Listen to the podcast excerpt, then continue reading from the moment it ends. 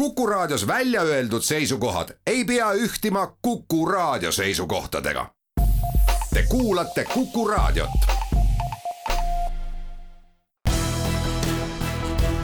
olukorrast ajakirjanduses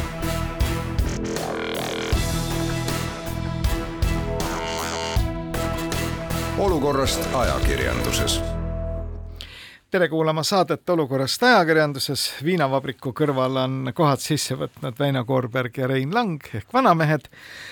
Ja millest me täna siis räägime? kui me Meil oleksime oli... Vene meedia, siis me alustaksime kõigepealt me selle loosungiga, et me meedias. oleme tuumasõja poolt. ja me kuna Väino on pühendunud viimased päevad Vene meedia jälgimisele, tal ei ole suuri raskusi kättesaamisega, nagu selgub. aga siin mõnda aega tagasi ERR-i portaalis ilmusid sellised südantlõhestavad lood, et kuidas siis Eesti ajakirjanikud ometi teada saavad, mis Venemaal toimub, kui nüüd kuritegelik Eesti valitsus paneb piirangud peale Vene telekanalitele siis äh, me aitame nüüd kolleege ERR-ist no,, kes selle üle muret tundsid. no see lause ei ole pärit Vene telekanalitelt, see on pärit sellest kuulsast multikast, Massiane Vene kultusmultikast, mille saja kuuekümnes osa, eks ju, kus üks peategelane läheb ja paneb äh, president Putinile äh, Jaapani harakiri noa selle pika laua peale, ütleb, et nüüd sa võiksid, eks ju, teha ühe õige teo oma asjas. et seal, seal peategelased siis, kui kohalik Venemaa kaardivägi nende ukse maha murrab, et siis nad karjuvad neile vastu, et meie oleme tuumasõja poolt. ega no see, see ei ole mitte ainult nali, Venemaal on selliseid materjale meedias ilmunud viimasel ajal küll, et me oleme tuumasõja poolt. aga toome lihtsalt ühe näite sellest, milliseid toredaid ajakirjanduslikke materjale töötab, toodab täna Vene ajakirjandus. kuulame siira, siira, siira vene inimese siirast avaldust, siirast pöördumist Ameerika presidendi poole. Ты все сделал, а теперь ты добрался до Путина Ах ты, негодяй! Что ж тебе, это мы тебе объявили, что мы не хотим пользоваться твоим долларом? Это началось только с газа, закончится всем, абсолютно. Мы прерываем с вами дипломатическое отношение. Ты слышишь нас? Ты нашу страну считаешь за территорию. Это величайшая держава.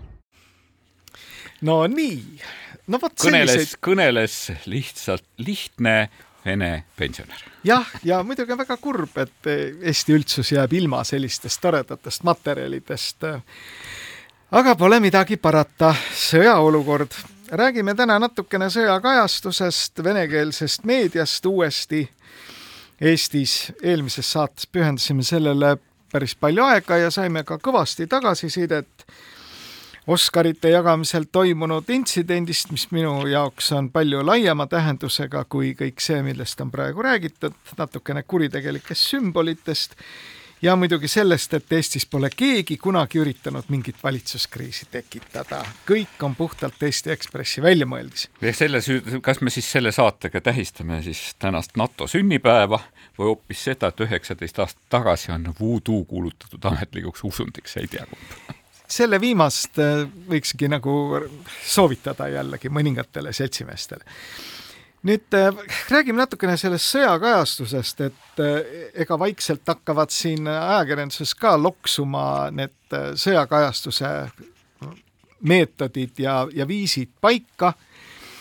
on näha, kuidasmoodi üks või teine väljaanne sellega hakkama saab, milliseid allikaid kasutab ja võib-olla oleks ka meil mõningad soovitused siis oma auditooriumile, mida jälgida ja millele vähem tähelepanu pöörata ja kuid muidugi, kui teil on kõvasti aega, siis interneti avarustest saab ligi ka kõikvõimalikule vene sopale, nii et aga noh, see isikliku närvikava huvides soovitame siiski selles osas. tahan Reinu, tahan Reinule vastu vaielda, et internetiavarustes ei, ei ole ainult juurdepääs Vene sopale, vaid tegelikult interneti avarustes on tegelikult juurdepääs siiski väga mitmetele väga korralikele ajakirjanduslikele kajastustele, et, et selleks, selleks ei pea tõepoolest, eks ju, pöörduma, selleks ei pea pöörduma Kremlile kuuluvate meediaettevõtete poole, selleks on tegelikult venekeelseid kanaleid mujalgi tegutseb, Riias meie Meduusa eh, tegelikult täpselt samamoodi, ei ole surnud ka Eho Moskvõ, eks ju, koos eh, oma peatoimetaja Venediktoviga, nendel on Youtube'is oma kanal Živaja Gvost, eks ju, tegelikult väga kuulsad Youtuberid, kes enne sõda tegelikult rääkisid ainult, no mitte ainult, aga noh, rääkisid põhiliselt kultuurist, linnakeskkonnast, eks ju. elustiilist ikka elust, põhiliselt. elustiili asjadest, nad on tegelikult äh, lülitunud täiesti korraliku ajakirjanduse peale, nii et nagu see Youtube'ist äh, saab sellele asjale ligi.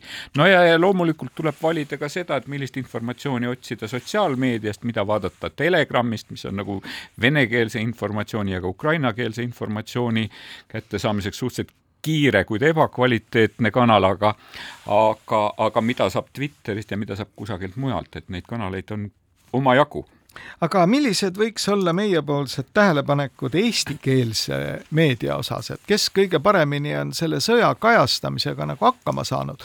ehk siis ei ole astunud banaanikoortele, tähendab, banaanikoortele minu arvates astunud küll kõik, aga mitte aga no osad rohkem, teised vähem. no selles osas, selles osas mina ei oskagi, ma ei oskagi seda isegi seda banaanikortele astumist ma ei oska nagu süüks panna, sellepärast et kui me nüüd nagu vaatame, sest näiteks ka täna oli Postimehes oli, oli tegelikult äh, päris huvitav materjal, minu meelest Priit Pulleritsul oli, Priit Pulleritsul oli, oli intervjuu Kaitseväe peastaabi strateegilise kommunikatsiooni osakonna ülema äh, asetäitja Uku Haroldiga, eks ju, kes tegelikult rääkis natukene sõjakommunikatsioonist, eks ju, mida teevad ukrainlased, mida teevad venelased ja kuidas, kus meie seal vahepeal oleme. siis tegelikult möödunud nädalal on ajakirjanduses olnud päris mitu intervjuud ka tegelikult kommunikatsiooniteadlastest ja mulle jäi küll silma äh,, mulle jäi vist, see oli vist Õhtulehes oli intervjuu Maria Mõrumaa Mengeliga, kes on tegelikult üks nagu tugevamaid spetsialiste selles vallas, kes, kes ise tunnistas, et mina olen ülikooli õppejõud, ma olen selle valdkonna spetsialist ja ma ka, ja ka ma ise olen alt läinud mitu korda, mulle jäi see väga meelde. nii et tegelikult sõjaolukorras ongi asjad keerulisemad kui tavaliselt, eks ju. ei, aga loomulikult, et et see banaanikoore libastumine paratamatult juhtub, sest, sest informa-, ühtepidi sündmused on väga äkilised, informatsioon, mis meile laekub, on väga vähene, teatud osadel juhtudel piiratud ja osadel juhtudel ei jõuagi see informatsioon mitte kusagile. Ja osadel juhtudel näiteks ajakirjanike juurdepääs on tegelikult nagu eluliselt oluline selle asjas, sest et noh, me nägime, et eile tegelikult, kui, kui noh, umbes avalikkuse ette jõudis Butša veresauna esimesed pildid, et kuidas nagu maailma reaktsioon sellest muutus. et tegelikult ma mäletan, see mingi nädalapäevad või no võib-olla kak-, pool, poolteist nädalat tagasi oli maailma ajakirjanduses hästi huvitav lugu selle kohta, kuidas äh, kuidas erioperatsiooniga päästeti sealt äh, Mariupoli piiramisrõngast välja kaks äh, Ukraina fotograafi, kes Associated Pressi tellimusel tegid pilte tegelikult sellest, need olid Stislav Tšernov ja Jevgeni Maloletka, et nemad olid need, kelle kelle pildid sellest sünnitushaigla pommitamisest, kelle pildid tegelikult jõudsid maailma avalikkuse ette ja tegelikult kui sa kujutad ette, et noh, milline nagu strateegiline äh, võime, võim on see, et kui sa suudad kui sa sellise inimese nagu vangi võtad, eks ju, ja, ja teda näiteks piinamise teel sunnid tunnistama, et kõik see oli vale ja lavastus. Et, et siin on nagu neid, niisugust ajakirjandus, sõjaajakirjandust tehakse ikkagi teiste reeglite järgi ja seal on nagu suhteliselt keeruline, aga, aga mina, ma ei oska tegelikult öelda, minu meelest mulle tundus, et, et nii Postimees kui Delfi kui ka ERR on ikkagi nagu noh, minu meelest nad on täiesti hobuse seljas, eks ju, ja, ja ja kajastavad põhjalikult, mitmekülgselt, nad on kohapeal nad on äh, rahvusvahelised ja nad on ka tegelikult, toovad Eesti mõõtme asja. ma saan aru, et sul on hoog kõvasti sees, aga siinkohal kaubanduslikke teadaandeid. olukorrast ajakirjanduses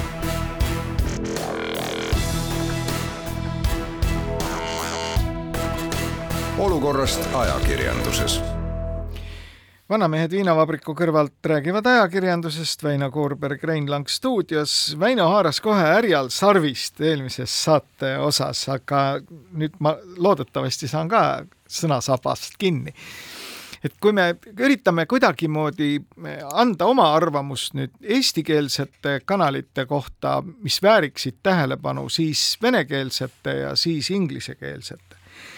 et nüüd eestikeelsete osas Väino ütles, et tema arvates nii Postimees, Delfi kui ERR, mis on kolm kõige suuremat, eks ole, on oma asjadega enam-vähem korralikult hakkama saanud ja ma sain aru sinust, et sa nagu ei taha, et sealt sellest kolmest kedagi eraldi esile tõsta. no ma ei oska nagu, ma ei oska jah, eraldi nagu nüüd tõmmata, minu meelest nagu noh, ta alguses või minu meelest ERR-il alguses oli käimasaamisega või käimajooksmisega ki-, no oli, oli kergelt probleeme just selle nagu uudislaine peale jõudmisega, aga, aga praeguseks on noh, asi täitsa okei. Okay.. minu jaoks siiski ma pean ütlema, et ERR-i uudisteportaal on, on ehk kõige paremini hakkama saanud nii operatiivsuse poole peal kui ka astunud kõige vähem kõikvõimalikke nende ette pandud banaanikoorte peale. seda on väga us-, teiste... seda on väga uskumatu sinu suust kuulda, et ja, ma rõhutan see... raadiokuulajatele, et seda ütles praegu inimene, keda on nimetatud, kuidas see oli, geneetiliseks ERR-i vihkajaks. jah, täpselt samas stiilis muuseas rünnati mind ju, et mul on üks kromosoom rohkem nagu Peskov ründas ja, eile Lääne-Euroopa ajakirjandust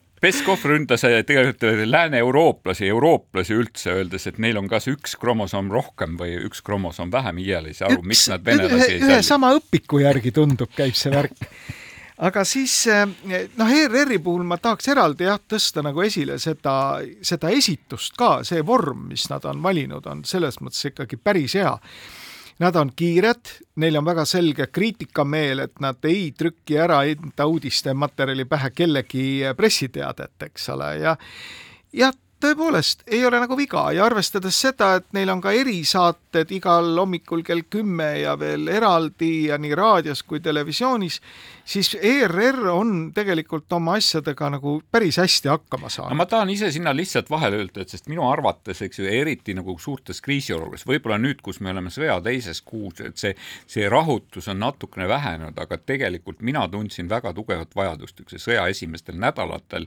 selle järele, et tegelikult, et Eestil oleks üks tõeline nagu televisioonis töötav uudistekanal ja et see uudistekanal ei tähendaks minu jaoks ainult, eks ju, kella kümneseid uudiseid, kella kuueseid uudiseid ja kella üheksast kinnitust, et Eesti on alles, et võite rahulikult magama minna, vaid et ma oleksin tahtnud, et, et meil oleks mingisugunegi võimekus, no kas just kakskümmend neli seitse, aga vähemalt kaksteist, kaksteist seitse, eks ju, keerulistes olukordades inimesi nagu uudistega varustada, et et ja ma mäletan, et ma tegin ka ühel avalikul koosolekul ettepaneku selles osas, et et ETV või ERR võiks selles osas tegelikult ikkagi treenida ennast ja võiks seda varianti läbi mängida, sest see on oluline.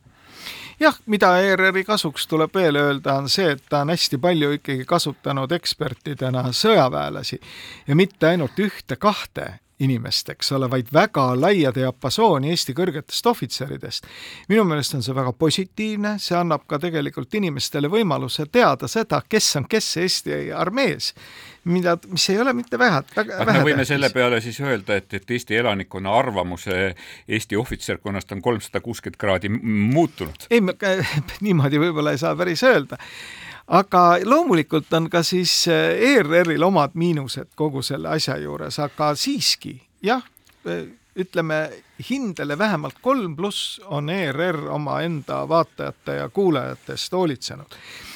teisele kohale ma tegelikult seaksin Delfi jällegi samamoodi, eks ta nüüd natukene kollasem ole, et kogu see sõjasündmuste esitamise viis on, on rohkem nagu kuidagi selline emotsioonidel no, põhine. suunatud, ta on suunatud, aga ta on üsna kiire. suunatud laiemale auditooriumile ja teiseks teda ei kammitse avalik-õiguslik pidulik pühalik staatus. aga ta on kiire.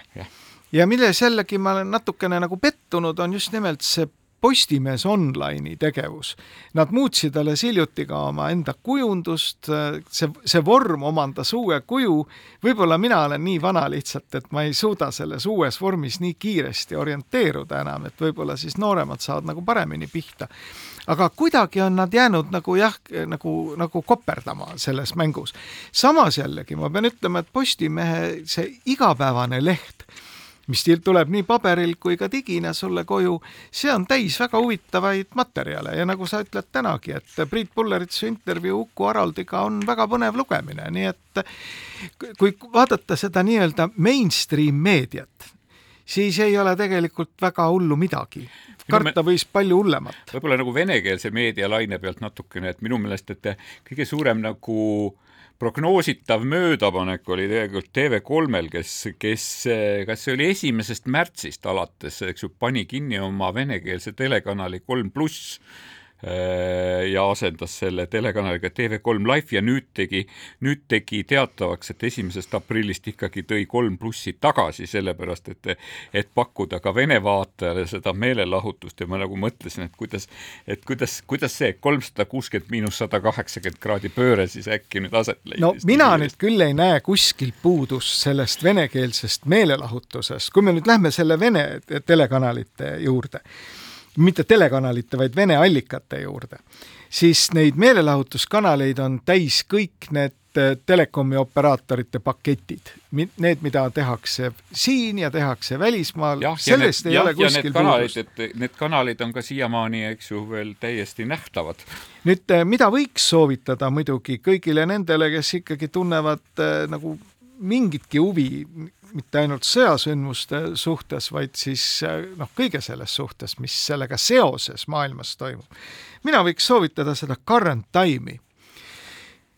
Currentime.tv veebis ilusasti kättesaadav, jah, tõsi, seal on see suur küsitavus, et seda tehakse samasuguse finantseerimisskeemiga, nagu toimetati omal ajal Raadio Vaba Euroopat, ehk siis ära seletatult Ameerika Ühendriikide eelarverahadega aga ta on päris hea materjal, tal on väga hea võrgustik tegijaid üle terve Euroopa, küllaltki head allikad Ukrainas, mingisugused allikad ka Venemaal. Ja kui nüüd vaadata ka seda kontsentreeritust, kuidasmoodi nemad äh, omaenda lugejale, vaatajale seda esitavad, siis see on päris heal tasemel. Nii et kui nüüd vene inimene, kes on tõesti huvitatud informatsioonist ja kellel on kas või tahvelarvuti või mobiiltelefon, nutitelefoni näol, siis sealt saab informatsiooni küll ja küll. No.. mis minu jaoks on tohutult küsitav ikkagi, on see, et see ETV Pluss, jah, on näha, et nüüd viimastel nädalatel toimuvad mingid jõupingutused, on kohe näha, et noh, et on antud väga selge korraldus, vanad, nüüd võtke jalad kõhu alt välja, tehke midagi. Ja üritatakse teha ka et me eelmises saates rääkisime seda, et noh, oleks väga-väga halb, kui Eestis võetaks selline hoiak, et kui avalik-õiguslik venekeelne kanal on juba olemas, et siis pole, muud polegi nagu tarvis. et ei, see erameedia, noh, et vaadake ise, kuidas saate. samas valitsus võttis vastu väga selge otsuse, et toetada ka erameediakanaleid vene keeles eetrisse või trükki minevaid erameediakanaleid. Mina lugesin selle valitsuse otsuse veel üks kord läbi ja ei leidnud sealt kuskilt, et see oleks piiratud üksnes trükimeediaga. meie Kultuuriministeerium leidis aga, et ei ole siin tuua meediale midagi tarvis, ehk vaadake ise, kuidas Isegi saate. no ma arvan, et nagu sellest perspektiivist me sellest kolm plussist ka rääkisime, ma tahtsin siia lihtsalt lisada kahte asja juurde selle sinu current time'i puhul, et jälle, et et kui ma pean midagi kiitma, siis mina pean kiitma seda, et, et tegelikult seesama ERR-i Jupiter väga operatiivselt, kui sõda, sõda lahti läks, lülitas tegelikult needsamad olulised kanalid oma Jupiteri keskkonda, lülitas sinna Ukraina kanali, lülitas sinna Current Time'i ja kui me praegu vaatame, siis tegelikult seal on praegu hetkel saadaval vähemalt vähemalt kolm Ukraina kanalit ja seesama Current Time on, on seal siis praegu saada, see oli väga vajalik tegelikult ka nendele põge-, sõjapõgenikele, kes siia jõudsid ja kes tegelikult otsisid informatsiooni, et kust luku kaudu, kaudu nad saaksid teada, mis kodumaal toimub ja siis tegelikult noh, oli see väga nagu oluline värk. jah, selleks see Jupiter ju tegelikult omal ajal Aga tehtigi mis..., et ta oleks platvorm, mille kaudu saad operatiivselt mingit see, materjali see panna. see, see oli minu meelest oleks kõige, imelik, kui nad kõige, ei teeks seda. see oli kõige õigem ja kõige operatiivsem otsus ja alles pärast seda tulevad hommikused kümneminutilised uudised, eks ju. kui me nüüd räägime ETV Plussist, eks ju, siis ma, siis eh, ma ikka jätkuvalt olen seda meelt, et ka sõjaolukorras on sellel kanalil sootuks eh, teistsugune roll, kui pakkuda lihtsalt seda, et, et venekeelsel vaatajal oleks niisugune lahe hommikukohvi juua, eks ju, tähendab, ja oleks koht, kust seriaale vaadata, et et ma erilist usku mul praegu veel hetkel ei ole, kuigi, kuigi siin on pidulikult välja reklaamitud see, et tegelikult ka ETV Pluss hakkab tegema oma õhtust niinimetatud ringvaate formaadis saadet, eks ju, Ringvaatest Eesti Televisiooni eetris oleme me tegelikult päris mitu korda rääkinud ja ja oleme kritiseerinud selle, selle transformeerumist üleüldiseks turunduskanaliks, eks ju, aga aga noh, loodame vähemalt, et ETV Plussiga seda ei juhtu siis. no aga see, see lootus olla. on muidugi minu meelest rajatud täiesti tühjale kohale, et kui nad selle teevad, selle Ringvaate tüüpi magasini, sinna ETV Plussi, siis seal me alles hakkame nägema seda sisuturundust. samal hetkel noh, et kuna nüüd mul see kromosoom ärkas praegu just üles, eks ole, see minu eriline kromosoom, millele viitab ka siis Vene. kas meil on mingeid Vene ravimeid? Kremli, Kremli pressiesindaja Peskov, eks siis eh, muidugi, kui me kiitsime ERR-i, siis nüüd nädalavahetusel ma tahaks kohe visata sinna ühe tõrvatilga ka sellesse meepotti, et me saime nädalavahetusel no lõputu annuse sellest teada, kuidas üks tore ja kena inimene, ERR-i töötaja, leidis ennast, endas jõudu, jaksu ja aega kirjutada kriminaalromaani. sellest räägiti AK-s, võtsime aega seitse minutit, mitmes uudiste saates, Anu Välba hommikusaates. ma väidan, et ükski Eestis kirjutatud krimka, mida on sadu ei ole saanud sellist tähelepanu. Nii et no see oli massiivne teadaanne, kuidas Eesti kirjanduses on täiesti uus lehekülg pööratud. Ja kõik tormake kohe ra raamatupoodi, omandage Kai Vare teos, toetame Rein, sinu, sinu kiidujutu tasakaalustamiseks ma lihtsalt tahaksin, tahtsin äh, äh, soovida õnne tänasele juubilöörile, telelegend Vahur Kersnale, kes saab täna kuuekümne aastaseks ja, ja juhtida ka siis meie raadiokuulajate tähelepanu, et, et et kohe sellesama meie palju kiidetud Jupiteri algusesse saate te kiiremini ja tunduvalt kiiremini ilma kerimisvajaduseta saate te ka ligipääsu äh, kolmekümne kahe osalisele sarjale, mida Jupiter ERR-is on toonud eh, oma keskkonda Vahur Kersna märgilistest telehetkedest. no nii, ehk siis eh, rubriik iseendast ja iseendale ja siinkohal siis mõningaid kaubanduslikke teadaandeid. olukorrast ajakirjanduses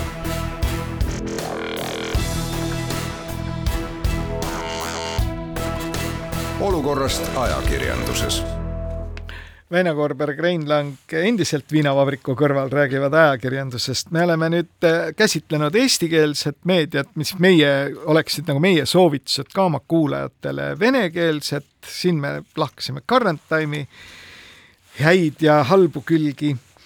Äh, inglise keeles, no New York Times, kakskümmend dollarit aastas ei ole palju, kui vaadata seda, palju tuleb maksta Eesti pakettide eest kuus ja need, kes ikka inglise keelt valdavad, äh, jumala hoia, võtke see äpp ja lugege mobiiltelefonist väga huvitavaid analüüse ja häid uudiseid tasub igal juhul ära. no ja osa asju on iga, ikkagi ingliskeelses meedias ka siiski seni veel tasuta saadaval ja tegelikult ka telekanalid on ligipääsetavad ja kui nad ei ole teie kohaliku operaatori paketis, siis nad on sama ligipääsetavad nagu tegelikult osad need venekeelsed telekanalid, mille millega internetis lõplikust ärakeelamisest on möödunud nädalal kirjutanud Toomas Lepp, äh, kes tegelikult selles artiklis väga üksikasjaliselt juhatas mind nende kanalite uute vaatamise võimaluste juurde muide, Youtube on täis kõikvõimalikku materjali praegu. et tahtsingi, tahtsingi seda ütelda, et tegelikult kui me räägime, kui räägi, tegelikult räägitakse ka läänemaailmas sellest, et tegelikult see äh,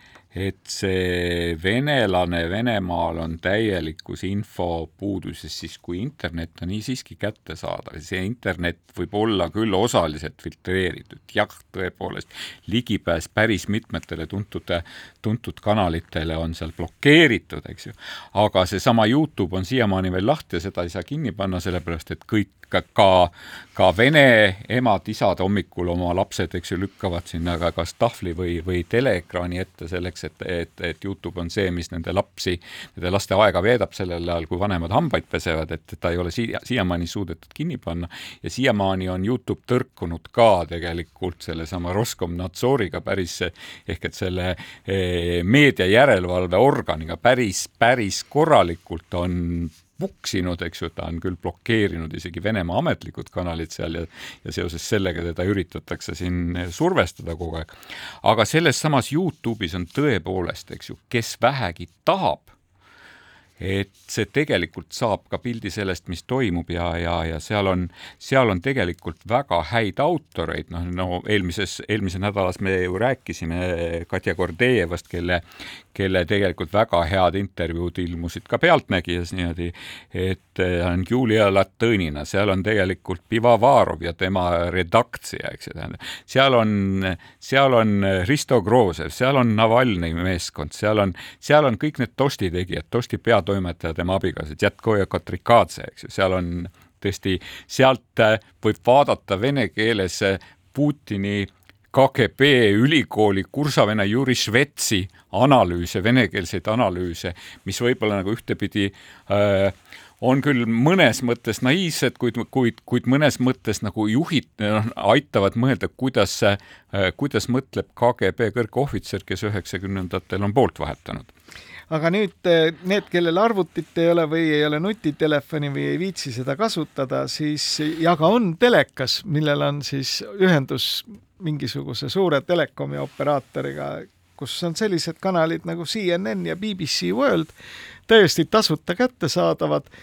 No CNN teeb, ütleme, et kanal on oma elemendis täiesti puhtalt, et see sõda on nende kõige kõvem külg et niipea kui maailmas midagi ekstraordinaarset ei sünni, siis CNN-i vaadatavus kohe kukub. siis täna on nad muidugi teinud ikka väga võimsat tööd koha pealt Ukrainast, eriti Jake Tapper ja siis äh, Amnapur. Äh, analüüsi osas sealsamas CNN-i kõrval teine kanal BBC World, võib-olla uudiste poole pealt sugugi mitte nii operatiivne nagu CNN, aga samas jälle need analüüsimaterjalid mida siis saatejuhid seal eetrisse lasevad, täiesti hiilgav materjal.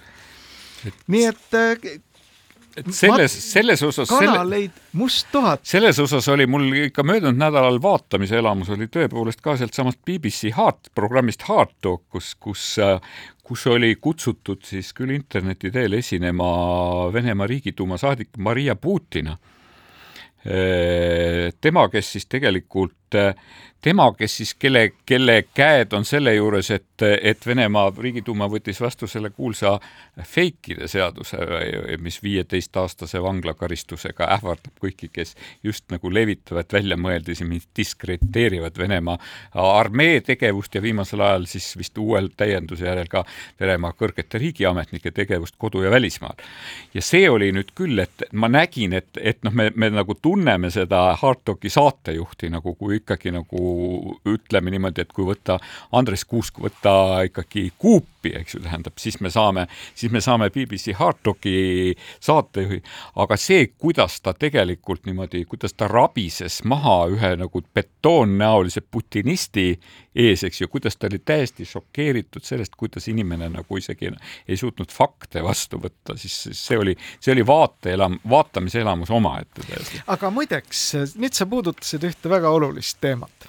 Ja see seondub usu siis... küsimust sa tahtsid öelda? ei, see oli tegelikult, eh, minu suur dilemma tekkis eh, vaadates eh, esimest stuudiot, kus olid kohal siis kõik erakondade esimehed, noh, mitte kõik erakonnad ei saatnud esimehi, eks ole, aga erakondade esindajad, jutt oli siis julgeolekupoliitikast ja seal mõlemad saatejuhid, nii Kuusk kui Ojakivi, läksid suhteliselt närvi selle asja peale, et meie vapper portaal Objektiiv vist, eks ole, edastab tänase päevani mingit imelikku materjali selle kohta, kuidas ukrainlased kaklevad venelastega ja no üldse täielikku jama. niisugust tüüpilist FSB stiilis valeinformatsiooni, valefakte jah, teil oli tõepoolest terve uudis selle kohta, kuidas Tartus väidetavalt olla olnud mingisugune ja, konflikt Tartu mingis konflikt. ööklubis, mida keegi, et see oli lausa rahvustevaheline massikaklus, eks Nüüd, ju, Kristjani... venelaste, ukrainlaste ja eestlaste vahel, kui hakati uurima, siis selgus, et pole midagi olnud. nüüd Kristjan Jaani, eks ole, siseminister ütleb ja väga viisakalt palub, et kuulge, ärge levitage niisugust jama, eks ole, et meie raiskame oma aega sellise informatsiooni kontrollimise peale et äh, noh, meil on niigi kiire, eks ole, pagulasi palju ja igast muud tööd palju, noh, relvaload vaja üle vaadata. ja, ja mille, mida ütleb siis Mart Helme selle kohta? kui saatejuhid nagu suhteliselt ärritatult ütlevad, et kuulge, aga võtke see jama oma sealt portaalist maha, et see on ju vale, eks ole. ja te ise siin saates tunnistate, et see on vale. ja Mart Helme ütleb selle peale, ei no me võime maha võtta küll, eks ole, aga teie võtke maha kõik meid kritiseerivad materjalid no pakuti diili. päris hea vorst vorsti vastu, eks ole. Teie meid ei kritiseeri ja meie ei valeta. aga no see kõik nagu, see nagu iseloomustab seda, et kui kergesti tegelikult ühel hetkel me oleme, kui, kui kergesti ühel hetkel see suurepärane rahvusliku, rahvus, rahvusliku ühtsuse partei on lagunemas nüüd, kus nagu sõjategevus juba teist kuud kestab, eks ju. et kui selgus, et alguses oli hoiame kõik nagu üksteise ümbert kinni, võtame Ukraina ja Eesti lipud, eks ju, kätte kaevahele, et siis nüüd, nüüd tegelikult tuleb ikkagi igaühel, igaühel omal leivapaluke välja teenida. no eks jah, muidugi, ega siis sisepoliitiline võitlus pole kusagile kadunud eelmises saates me rääkisime, tegelikult oli see vist üle-eelmine saade siin praegu, eh, meid praegu tegelikult ka täpsustatakse, et ei olnud mitte objektiivseid uued, uutes uudistes. uutes uudistes, palume väga vabandust. jah, uued uudised. aga eh, võtame nüüd selle sama sellise eh, Eesti sisepoliitilise olukorra, et kolm või kaks saadet tagasi rääkisin ka mina siin eh, sellisest järjekordsest huvitavast ideest, et võiks vahetada valitsust. siin seltsimehed kuskil keldris leppisid omavahel kokku, et noh, et eh, saadame selle Kaja Kallase puhkama ja võtame võimu üle. aga see ei õnnestunud ja Ekspress kirjutas sellest ikka tegelikult päris räige loo. ja mis siis juhtus?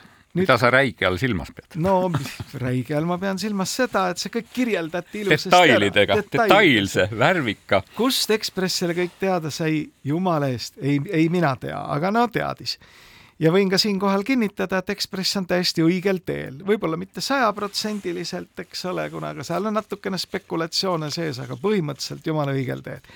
kõik asjaomased loomulikult kategooriliselt eitavad ja ründavad nüüd Eesti Ekspressi, süüdistades Eesti Ekspressi siis kuulujuttude levitamises ja kurat teab veel milles, eks. kui meil oleks fake'ide seadus, siis eks ju, ma arvan, et peatoimetaja juba, peatoimetaja, et... võib-olla ka vastutav väljaandja peaksid juba nagu mõtlema, kust saab sobiva koguse kuivikuid, mis viieteistkümneks aastaks vastu peab. jah, et sellise Aga..., ütleme sellise materjali edastamise eest Venemaal pannakse täna kinni, eks ole nii et eh, väga huvitav, mis edasi saab. ma kuulsin, et on, et, et Donbassi niinimetatud isehakanud vabariigis on ka, on ka plaanimisel seadus, et nemad tahavad ikkagi kinni panna ka Vladimir Žirinovski tervisliku olukorra vale kajastamise eest, eks ju, parajasti hetkel. aga noh, märksõna on selles, et, et, et eks me kõik tahaks olla sõjaaja kindralid või sõjaaja peaministrid, sellepärast et me ju näeme seda, et kuidas see, kuidas see reiting tegelikult äh, Äh, lakke läheb, et Churchill oli sõjaaja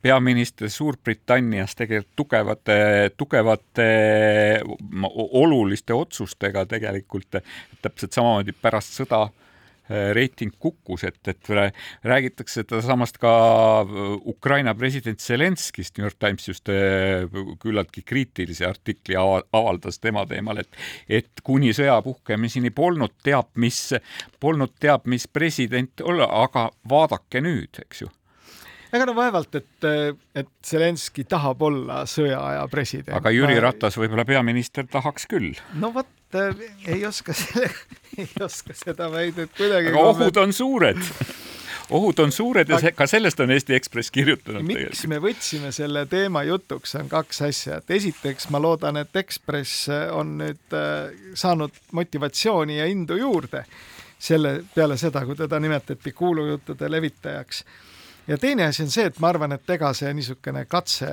siin paati kõigutada ei ole kuskile kadunud. Et siin on märke siit ja sealt, et kuidas see öeldi, Telegram aga kuskilt teadust tõi, et vaja oleks teha mingisuguseid muudatusi ja küll on ka neid, kes kohe neid muudatusi asuvad ellu viima. nii et eh, üheksas mai tulekul ütleme, ajakirjandusel kindlasti igav ei hakka.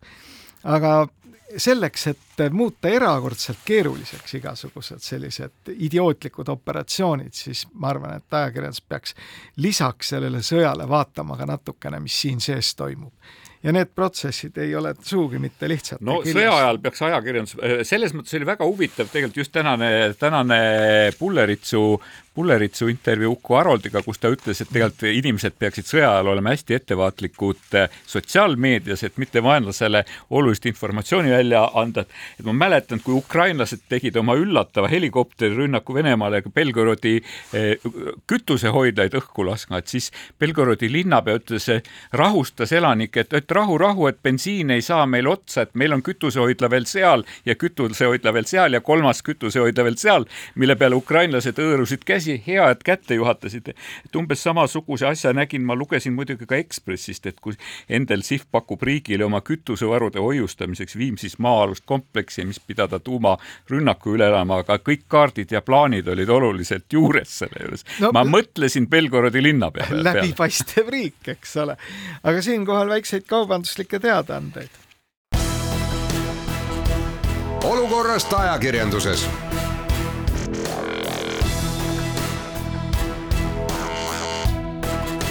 olukorrast ajakirjanduses.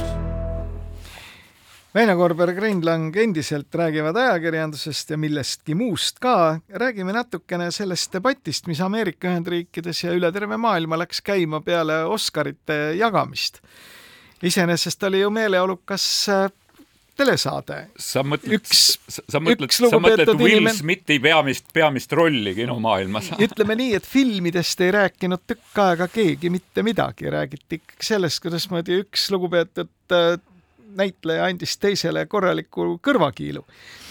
ja mina hakkasin mõtlema, et, et äh, see debatt, mis tegelikult käima läks, on, on minu arvates väga tähtis et kui kaugele nüüd ütleme nende madalate publiku soovidele vastu tulles peaks ajakirjandus või meedia laiemalt langema, et nende lollide naljadega. mina, kes ma olen Ameerika filmikunsti suur austaja, olen jälginud ka seda, et Ameerika komöödiate allakäik on viimase viie-kuue aasta jooksul olnud täiesti muljetavaldav. kadunud on sellised meistrid nagu Mel Brooks, paljud teisedki. Need... aga, aga need täiesti debiilsed naljad, eks ole, mis, mida seal tehakse. nüüd me ja... õigustame seda, õigustame sedasama tiitlit, mida me siin saates on, et vanamehed sealtsamusest viinavabriku kõrvalt, sellepärast sa hakkad vananema ja, ja hakkad taga nutma ilusat, omaaegset ilusat aega. minu jaoks oli nagu see probleem, et, et kui, kui kui me peaksime ütlema, et see kõik on nõme, no suurem osa Eesti stand-up komöödiast, eks ju, peaks siis üleüldse nagu kinni pandama, aga aga, aga üks probleem selle asja juures oli, et selle vist tõstatas minu meelest Taavi Libe oma arvamusloos, kes ütles, et kujutage ette, et kui see, kui selle nalja, et kui seal ei oleks kaks musta meest omavahel läinud, vaid et oleks tõusnud püsti, eks ju, valge keskealine, eks ju, tähendab rikas äh, režissöör või näitleja oleks saatejuhile lõuga pannud, et mis siis oleks juhtunud ja kas selle arutelu Ameerika ajakirjandus ja ka maailma ajakirjandus oleks Ukraina sõja meediast täielikult välja tõrjunud. no vaata, nüüd sa lähed, eks ole, konstrueerima mingeid muid asju, aga püsime sellesama loo raamides. mis siis juhtus, oli ju tegelikult see, et Will Smith, väga lugupeetud Ameerika näitleja, läks endast välja selle peale, et tema naise üle visati noh, täiesti lolli nalja minu meelest see nali oli nii madal, kui üldse olla võis. ja reaktsioon, ütleme inimlikult on arusaadav, aga ütle, tsiviliseeritud maailmas selgelt mitte aktsepteeritav, et sa ronid lavale ja annad kellelegi vastu vahtimist. mäletan, kunagi oli film, mille nimi Eestis oli Pornokuninga piinad vist, eks ju. niimoodi, mäletad? People versus Larry Flint. Larry Flint, eks ju, kus meil oli, kus meil kuulus teleevangelisti kujutati niisuguses äh, erootilises ajakirjas parajasti olemas suguühtes omaenda emaga, eks ju niimoodi, ja selle üle käis väga suur vaidlus, sõnavabaduse teemaline vaidlus tegelikult Ameerika ülemkohtus, eks ju, tähendab. et, et ma et ma nagu mõtlen, et üks asi on halb maitse ja teine asi on sõnavabadus selle ei, aga küsimus ongi selles, saates et... peaksin mina nagu sõnavabadust kaitsma ja peaksin nagu ütlema, et, et jah, paraku naljal on, naljal, eks ju, satiiril on siiski ela, eluõigus ka siis, kui ta on lame ja mage jaa, aga kas see õigustab tegelikult lavale minemist ja kellelegi kõrvakiilu andmist, eks ole? vot see on, see on, see ongi et... nüüd, see on omaette küsimus, vot seal ma tahaks või sa peadki, oled kohust, kui sa oled avaliku elu tegelane või avaliku elu tegelase abikaasa, siis sa pead alla neelama kõik lamedad naljad, mida tehakse nii sinu kui ka sinu abikaasa kohta. ja see on minu meelest selle diskussiooni keskpunkt. ehk et Täpselt küsimus sama... parafraseerides Taavi Libet, et kas klouni tohib lüüa? No kas on tegemist klouniga, eks ole, et jutt, kui noh, klouni jah, tõepoolest ei maksa nagu võib-olla tümitama hakata, aga antud juhul ei olnud ju tegemist klouniga. ja kõik, mina tahaksin nüüd selle tassida, selle teema natukene selle vaenu õhutamise peale et kui palju on ikkagi Eestis neid arvestatavaid teoreetikuid, kes ütlevad, et vaenu õhutamine verbaalses vormis on absoluutselt okei okay. täiesti lubatav, sest sõnavabadus on püha asi võime rääkida mida tahes, eks ole, noh, juuditahju, mida iganes, parimal juhul, eks ole, tuleb näppu vibutada selle asja kohta. noh, ei olnud eriti naljakas loomulikult. No vot, aga nii on. Ja, ja mind väga huvitab see, et, et kas, kui me vaataks neid kahte asja kõrvuti, üks on selline räige vaenu õhutamine, kus siis keegi silmade põledes, eks ole, nõuab kellegi ahju ajamist või räägib mingit rassistlikku jama ja teiselt poolt siis keegi läheb, teeb selliseid enda arvates heatahtlikke rumalaid nalju näiteks haige inimese kohta, mis võib kellelgi kopsu üle maksa ajada. kas need ei ole mitte natukene üks ja sama teema?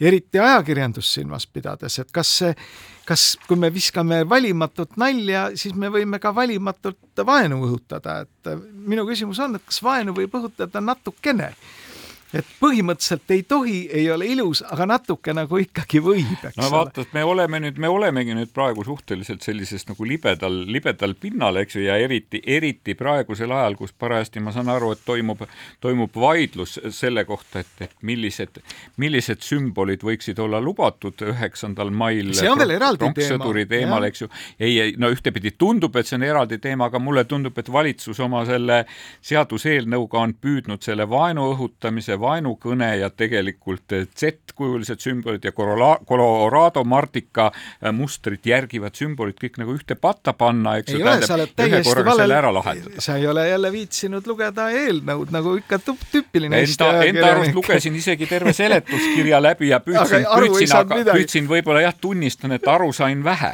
no et, nii see, see ongi see tragöödia. selles osas. et äh, loomulikult Eesti ühiskonnas on täna tohutu tellimus sellele, et, et keelata ära Georg Georgi lindid ja Z-tähed ja kõik need, et aga õigusteadlastel on paraku väga raske sellise emotsiooniga kaasa minna, eks ole.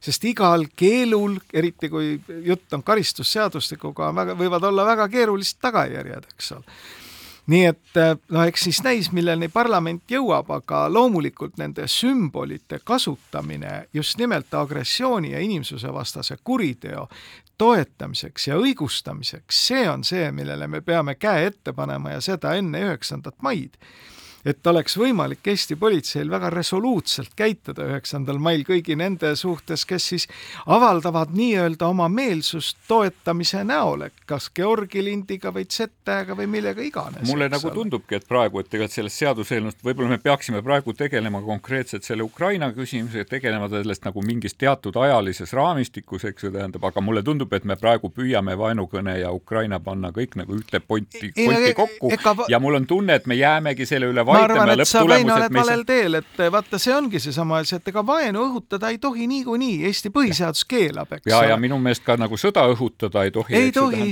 ei tohi, täiesti kategooriliselt on ka põhiseaduslik kaitse nende väärtuste suhtes on olemas aga siin on aastakümneid tegelikult öeldudki, et noh, krokodillid ei lenda, aga mõned lendavad kuigi hästi madalalt, eks ole, nii et no teatud juhtudel nagu võib. minu meelest ei või kunagi ja nüüd, kui sellele lähenedagi selliselt, et vaenu õhutamine põhimõtteliselt on vale ja seda ei tohi teha ja see on karistatav, siis loksuvad ka mitmed muud asjad. no paika. aga siis, aga siis nüüd ongi see küsimus, et kas nagu valge paberiga seismine, eks ju, tähendab Venemaal, eks ju, tähendab, on, on Venemaa sõjavägede diskrediteerimine, kas piibli kümne käsu tsiteerimine, eriti ära tapa käsu tsiteerimine, võiks Venemaa kaardiväe silmis olla, eks ju, samamoodi sõjavastane tegu ja nii edasi no,. kas me peaks... peaksime ühel hetkel olema selle, et, et ei, me oleme tuumasõja poolt? ei no vaata, ega siis Russki Mirri väärtushinnangute ja käitumismallidega kaasaminemine ei ole meile sugugi kohustuslik me ei pea sealt malli võtma, mitte üks raas. aga üks asi, mis mind veel enne lõppu ilgelt häirib, ma ütlen, et mind häirib kogu see, kogu see jauramine sellel teemal, et me ei saa kuidagi Venemaa saatkonna ümbritsevaid tänavaid ümber niita ja me võiksime Ukrainat tähistada mõne Lasnamäe pargi või, või parkimisplatsi äratähistamisega. ma ikkagi mõtlen sõprade peale Tšehhis, eks ju, kes on suutnud Venemaa saatkonna ümbritseda Boriss Nemtsovi väljakuga, Anna Politkovskaja pargiga ja nüüd asub see Ukraina kangelaste tänaval ka veel, eks ju, ja meie ei suuda seda, see on mul väga valus. no see jällegi seondub sellesama Russki Mirriga, et kui palju seda Russki Mirri, seda Vene maailma on meie ühiskonnas sees. üks hea näide sellest on meie tänane lõpulugu klassikaline, klassikaline propagandalaul, mis tegelikult on päris, päris hirmus, seda, seda on tellinud Venemaa parlamendi liige Anna Kuvitšenko ja ta on pannud siis oma lapsed riietanud sõjaväevormi ja pannud laulma seda, et kui on, kui neil tuleks minna Viimsele lahingule vastu ja onu Vova palub, et siis tuleme ja võtame ka Alaska tagasi. nii, kuulmiseni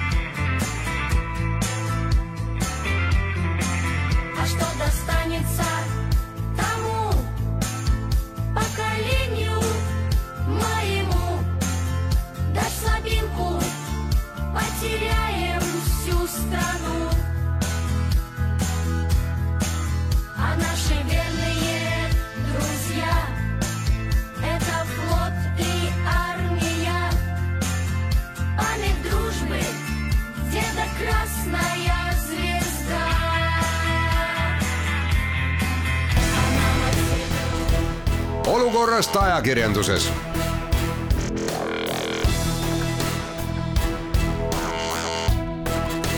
olukorrast ajakirjanduses